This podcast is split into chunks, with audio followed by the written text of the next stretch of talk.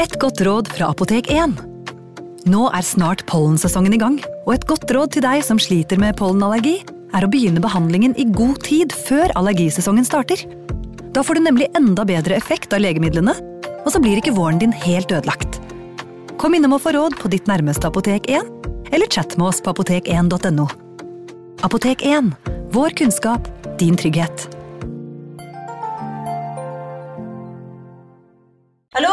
Jeg kommer fra Oslo politikammer. Ine Jansen er purk. Er du purk? The motherfucking bitch. Alt jeg vil, er å finne ut hva som skjedde med mannen min. Jon Carew. Er jeg sikta for noe? Iben Akeli. Det er du. Ole So, Lars Berrum og Big Daddy Karsten. Hvem sin side er du på, egentlig? Anette Hoff, Tone Danielsen, Kommer du fra Afrika? Jørnis Josef, Nesten. Kløfta. Trond Espen Seim, Det er synd å si det, men det var feil mann som døde. Purk. Premiere tirsdag på TV2 Play. Ungsamtalen fra DNB er økonomisk veiledning tilpasset deg som er ung. Bokk en ungsamtale på dnb.no. slash ung. Det er kjempebra hvis du skal inn på boligmarkedet, hvis det er drømmen din, liksom. Det er det du skulle sagt. Og så kunne du ropt litt mer, da, sånn som jeg gjorde. Bam! Advarsel. Denne podkasten inneholder skildringer av ekte drap og kriminalsaker som kan være støtende for enkelte. Det advares også mot sterke inntrykk i deler av episoden.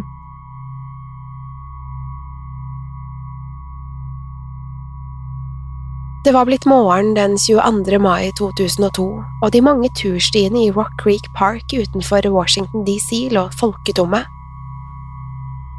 Om bare noen få timer ville nasjonalparken fylles av spreke turgåere, men enn så lenge var det stille og rolig. De eneste som var ute, var en 44 år gammel mann og den lille hunden hans. Morgensolen hadde bare så vidt tittet opp over åskammen da de kom frem til inngangen til nasjonalparken. Mannen og hunden hadde gått et stykke inn i parken langs en asfaltert sti da han bestemte seg for å gi hunden en utfordring. Fra hovedstien gikk en rekke mindre, kronglete stier. Her var han sikker på at hunden ville få nok mosjon til at den ikke ville gjø gjennom hele ettermiddagen. De var kommet omtrent 100 meter inn på den kuperte stien da hunden plutselig stoppet opp. Den spisset ørene og så ut til å se noe et stykke lenger fremme. Mannen prøvde først å dra med seg hunden videre, men den ville ikke rikke seg. Han myste inn i krattet, og med ett fikk han øye på det hunden måtte ha lagt merke til. Noe skinnende hvitt lyste mot ham fra skogbunnen. Fra der han sto, kunne det nærmest ligne på en fotball som lå delvis begravd under fallende blader og jord. På avstand så ikke gjenstanden så avskrekkende ut, så mannen kunne ikke riktig forstå hva hunden hans hadde blitt så skremt av. Derfor slapp han bånda og nærmet seg forsiktig. Det var først da han kom helt bort til gjenstanden at han innså hva det var. Skjult under løv og kratt lå en hodeskalle. Mannen visste det ikke da, men han hadde nettopp funnet det politiet hadde lett etter i over et år – levninger fra den savnede 25-åringen Chandra Levy. Velkommen til True Crime Podden.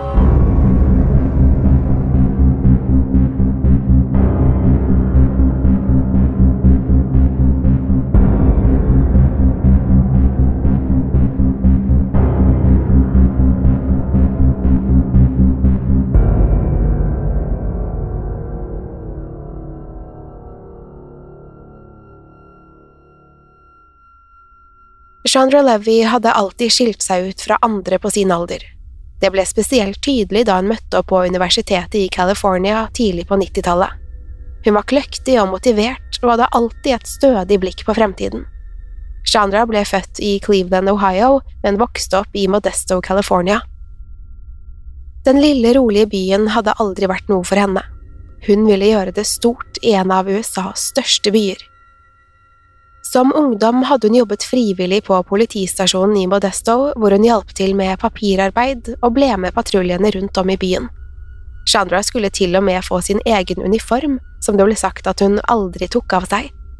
På stasjonen skulle hun også bli kjent med en rekke dedikerte politibetjenter som hun så opp til. Etter videregående flyttet Chandra til San Francisco, hvor hun begynte å studere journalistikk og kriminologi. Omtrent samtidig hadde hun funnet sammen med en av politibetjentene i Modesto, en mann ved navn Mark, som var omtrent ti år eldre enn henne. Chandra hadde alltid interessert seg for eldre menn, noe hun slett ikke var alene om. Når sant skulle sies, så det ut til å være en trend blant vennene hennes. Da hun var ferdig med bachelorgraden, bestemte hun seg likevel for å forlate Modesto for godt. Hun ville styre sin egen fremtid, og reiste derfor til Los Angeles for å ta en mastergrad. Her skal hun blant annet ha jobbet i praksis på borgermesterens kontor. Senere skulle hun også jobbe for Californias guvernør i Sacramento. Det var denne siste jobben som virkelig skulle åpne dørene for Chandra. Gjennom guvernøren kom det nemlig et tilbud om en praksisplass hos BOP, den føderale kriminalomsorgen. Denne jobben skulle ta henne hele veien til den andre siden av landet, til Washington DC. Hun ankom hovedstaden i september 2000 og var lysende optimistisk for fremtiden.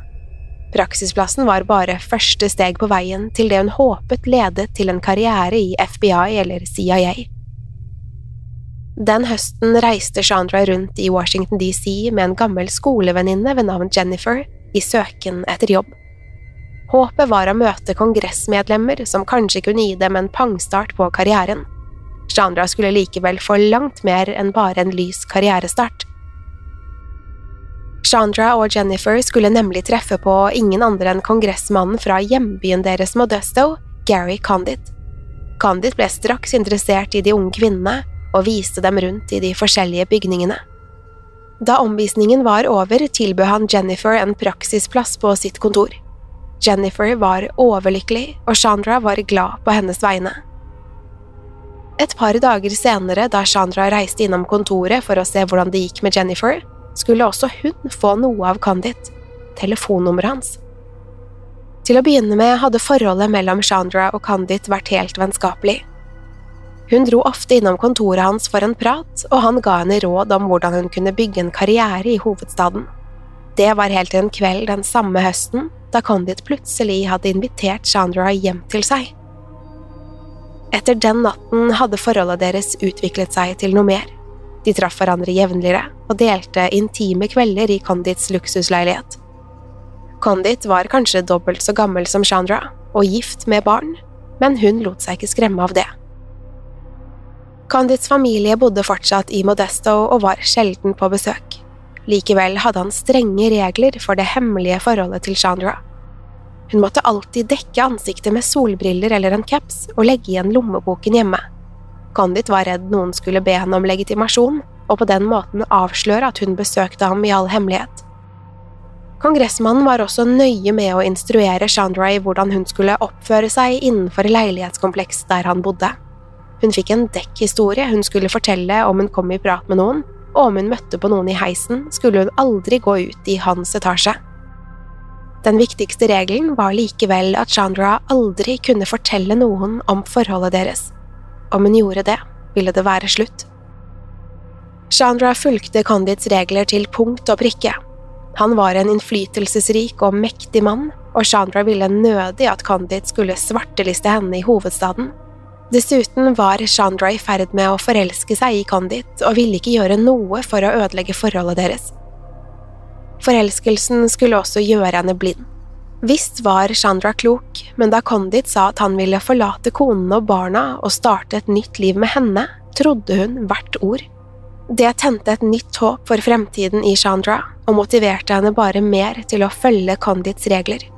Hun var derfor mer enn villig til å holde på hemmeligheten til den dagen de endelig kunne være åpne om kjærligheten mellom dem. En måneds tid inn i forholdet deres skulle hun likevel avsløre seg for noen som sto henne nær. Chandra hadde besøkt sin tante i Maryland for å feire thanksgiving. Frem til da hadde hun holdt på hemmeligheten, men nå klarte hun det ikke lenger. Chandra fortalte ikke mye, men avslørte at hun hadde forelsket seg i en kongressmann, og at hun håpet at hun skulle få flytte inn hos ham snart. 23-åringen så ut til å være svært investert i forholdet til Condit, for i begynnelsen av 2001 ringte hun utleieren sin og ba om å få heve kontrakten på leiligheten. Det var tydelig hva intensjonen hennes var. Hun ville flytte inn hos Condit, men det skulle det aldri bli noe av. Hva som egentlig fikk henne til å endre mening, er det ingen som vet, men et par uker senere ringte hun utleieren igjen og sa at hun ikke kom til å flytte likevel. Det ble likevel ikke slutten på forholdet mellom Chandra og Kandit. De traff hverandre fremdeles jevnlig og var sammen i april da Chandra feiret 24-årsdagen sin. Mot slutten av april hadde Chandra igjen besøkt tanten sin i Maryland. Der hadde hun fortsatt å avsløre detaljer om hennes hemmelige forhold til Condit. Hun fortalte at kjæresten hadde kjøpt flotte gaver til henne, og at han til og med hadde tenkt til å betale for flybilletter hjem til California. Innen uken var omme, skulle Chandra også avsløre navnet til sin hemmelige kjæreste. Et par dager senere reiste Chandra tilbake til Washington DC for å fullføre praksisen hos kriminalomsorgen. Nå visste hun ikke riktig hva hun skulle gjøre. Det hadde ikke kommet noen nye jobbtilbud, og dermed planla hun å flytte tilbake til Modesto midlertidig. Hun hadde lagt igjen en melding på telefonsvareren til tanten og sagt hun skulle reise, og hadde til og med sagt opp leiligheten sin i hovedstaden. Om morgenen den 1. mai 2001 våknet Chandra til en ny hverdag. Praksisen var over, og hun skulle snart reise hjem til California. På PC-en sin hadde hun søkt opp billettpriser for fly hjem, samt fine turstier i Rock Creek Park, en perle av en nasjonalpark like i nærheten av der hun bodde. Der skulle likevel alle spor etter Chandra Levy ende. Etter det ble hun aldri sett eller hørt fra igjen. Kun dager senere, den 6. mai, ringte Chandras foreldre Robert og Susan Levy politiet i hovedstaden. Datteren deres hadde sagt at hun ville være hjemme innen da, men nå hadde de ikke hørt fra henne på flere dager. Nå begynte de å bli bekymret. De hadde forsøkt å ringe Chandra flere ganger, men hadde ikke kommet i kontakt med henne. Den samme ettermiddagen sendte politiet en patrulje til leiligheten Chandra leide for å se etter henne. Der skulle de finne ferdigpakkede kofferter og Chandras mobiltelefon og førerkort, men 24-åringen selv var ikke å se. Allerede her gjorde politiet en enorm tabbe. En av betjentene hadde åpnet Chandras PC og på en eller annen måte klart å slette alt innholdet på harddisken. Med det forsvant ethvert spor som kunne lede til en forklaring. Det var den første av mange feil politiet skulle gjøre i etterforskningen. Den andre var at overvåkningskameraene aldri ble sjekket. Hadde de gjort det, ville de kanskje visst om Chandra hadde vært alene, og når og hvordan hun hadde reist hjemmefra. Innen tanken slo dem om at de kanskje burde undersøke bildene, var opptaket allerede slettet. I Modesto innså Chandras foreldre at det ikke var mye hjelp å hente fra politiet. Derfor tok de saken i egne hender. Det første de gjorde, var å se gjennom datterens telefonregning. Der kunne de se alle numrene Chandra hadde ringt den siste måneden. De fleste kjente det igjen, men det var ett nummer som dukket opp igjen og igjen. Derfor prøvde de å ringe nummeret. Etter flere runder med summetonen dukket opp en generisk kvinnestemme som sa de hadde nådd kontoret til kongressmann Gary Condit i Washington DC. Shandras foreldre kunne ikke skjønne hvorfor datteren hadde ringt til kongressmannen så mange ganger den siste måneden, men de var sikre på at det var et viktig spor. Shandras foreldre ringte Condit på hjemmetelefonen hans, og kongressmannen svarte, men da de spurte om datteren, fikk de kun vage svar. Condit mente å huske Chandra og sa hun hadde besøkt ham et par ganger på kontoret, men at det var det hele. Han nevnte aldri at han hadde hatt et hemmelig forhold til henne. Et par dager senere utlovet Chandras foreldre en dusør til enhver med informasjon om datterens forsvinning. Gary Condit skulle også slenge seg på, og donerte 10 000 dollar til potten. I en pressekonferanse sa han at Chandra var en flott kvinne og en god venn, og at han håpet hun ville komme hjem snart. Denne uttalelsen skulle få politiet til å undre seg. For det første var det merkelig at han hadde kalt henne en god venn. For det andre hadde de funnet en rekke beskjeder på Chandras telefonsvarer fra en mann som hørtes nøyaktig ut som Gary Condit. De kalte ham inn til avhør og spurte han ut om forholdet til Chandra, men Condit nektet å si noe som helst. Uten skikkelige spor kunne ikke politiet offisielt mistenke ham i saken, men det virket som Condit visste mer enn hva han ville ut med. Det var helt til kongressmannen skulle gi politiet et vanntett alibi. 1. mai 2001 hadde Condit vært på flere møter i Det hvite hus, og en rekke mennesker kunne bekrefte det. Selveste visepresident Richard Cheney kunne til og med fortelle at han hadde vært sammen med Condit hele dagen. Det skulle likevel ikke ta lang tid før ryktene om det hemmelige forholdet mellom Chandra og Condit nådde pressen, og med det ble Gary Condit forsidemateriale over hele landet. Avisene spekulerte i om kongressmannen kunne ha noe med 24-åringens forsvinning å gjøre, og flere av dem virket overbevist om at det var tilfellet. Til tross for all denne oppmerksomheten nektet Condit å fortelle mer om forholdet til Chandra, ikke engang for å avkrefte ryktene. Det som til slutt skulle sette fyr på saken, var Chandras tante i Maryland. Omtrent en måned etter at niesen ble meldt savnet, sto hun frem med det Chandra hadde fortalt henne. I et 90 minutter langt intervju med en avis avslørte tanten alt sammen. Etter det lettet Condit litt på sløret. Han lot seg DNA-teste, og politiet sjekket opp mot rester av kjønnsvæske i noe av Chandras undertøy. Da resultatet kom tilbake, var det ikke lenger noen tvil.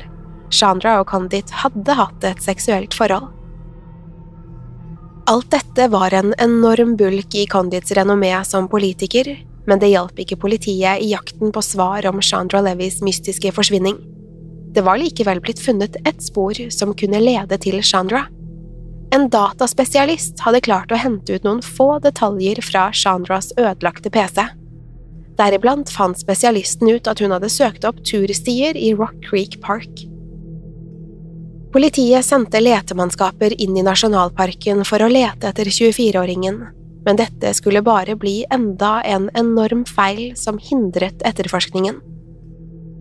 Store deler av området ble saumfart, men ingen hadde tenkt på å undersøke de små stiene utenfor hovedveien.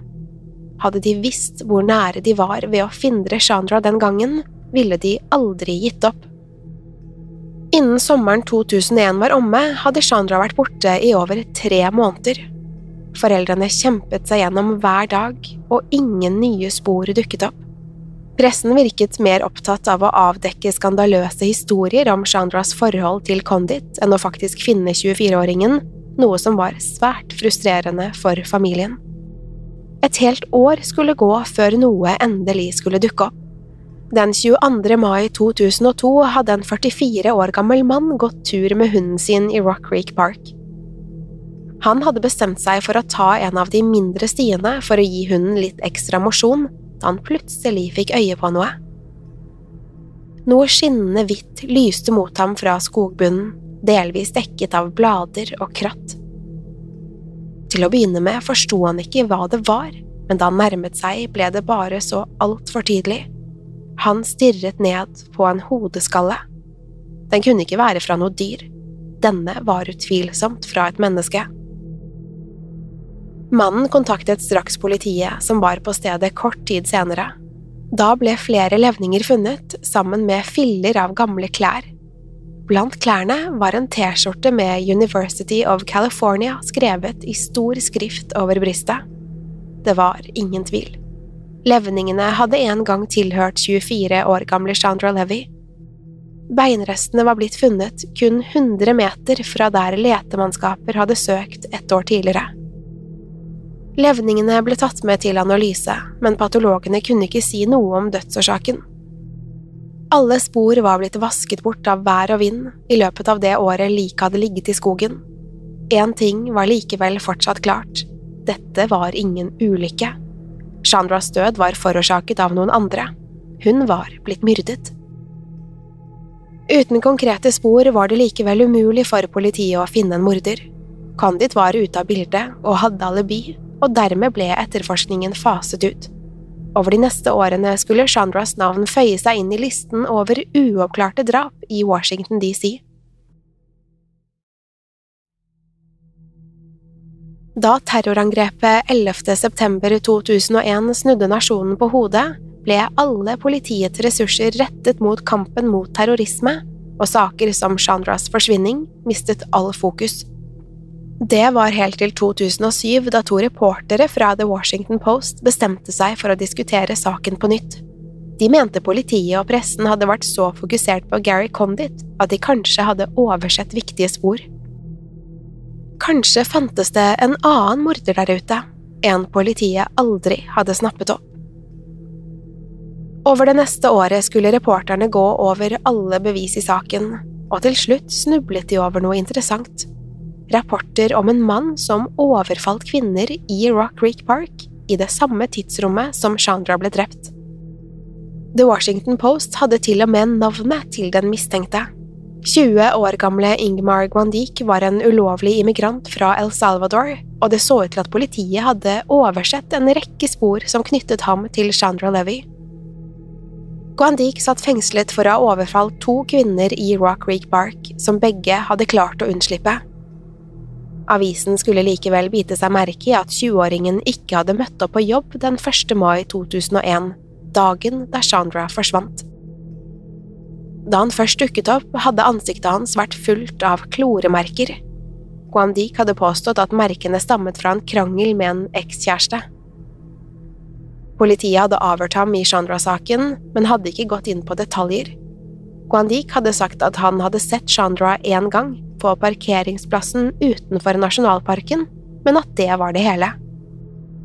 Politiet hadde ikke fulgt opp dette sporet i 2001, noe reporterne fra Washington Post mente hadde vært en stor feil. Artiklene avisen skrev, skulle likevel få politiet til å ta opp jakten på Chandras morder.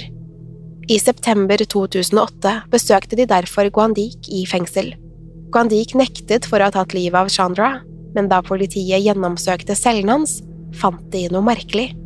Der hadde han nemlig tatt vare på et bilde fra et blad. Bildet viste ingen andre enn Chandra Levy. Dette var nok til at politiet valgte å sikte Guandik for drapet på Chandra. Han hevdet fremdeles sin uskyld, men en politiinformant kunne fortelle at Guandik hadde tilstått å ha drept Chandra noen år tidligere. Det var på ingen måte et håndfast bevis, men skulle likevel overtale juryen. I november 2010 ble Guandik derfor funnet skyldig i drap. Et par år senere skulle likevel saken legges i ruiner nok en gang. Politiinformanten som hadde angitt Guandik, viste seg å være mindre troverdig enn først antatt, og dermed var det duket for en ny rettssak. Denne gangen var det kun indisier som pekte på Guandik som morderen, og dermed ble han frikjent. Med det skulle saken om Chandra Levis drap stoppe helt opp. Ingen flere vitner sto frem, og alle spor var visket bort. Ingen vet hva som egentlig skjedde med Chandra der ute i nasjonalparken. Politiet så det som sannsynlig at hun reiste dit frivillig, men hvem hun møtte på der, og hvorfor hun ble drept, forblir et mysterium den dag i dag. Chandras foreldre har likevel aldri gitt opp håpet, ved flere anledninger har de stått frem i pressen og bønnfalt morderen om å stå frem. Om noe ville det i det minste gi dem sjelefred. De vil aldri få tilbake Chandra, men kanskje vil de få svaret på hva som skjedde i hennes siste timer. Det vil kun fremtiden vise.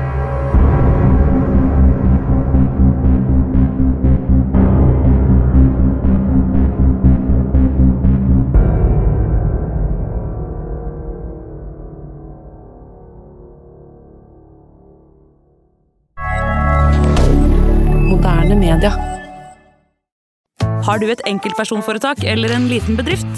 Da er du sikkert lei av å høre meg snakke om hvor enkelt det er med kvitteringer og bilag i fiken, så vi eh, gir oss her, vi. Fordi vi liker enkelt. Fiken superenkelt regnskap. Hei! Takk for at du lytter til True Crime Poden. Skulle du ønske at du kunne høre en ny episode av denne podkasten hver eneste uke? Vel, da er det bare å laste ned podkastappen Untold med en gang. I tillegg til ukentlige episoder av podkaster som Skrekkpodden, Synderne og Henrettelsespodden, får du masse annet reklamefritt og eksklusivt innhold. Last ned Untold i AppStore eller Google Play, og start din 30 dagers prøveperiode i dag. Untold.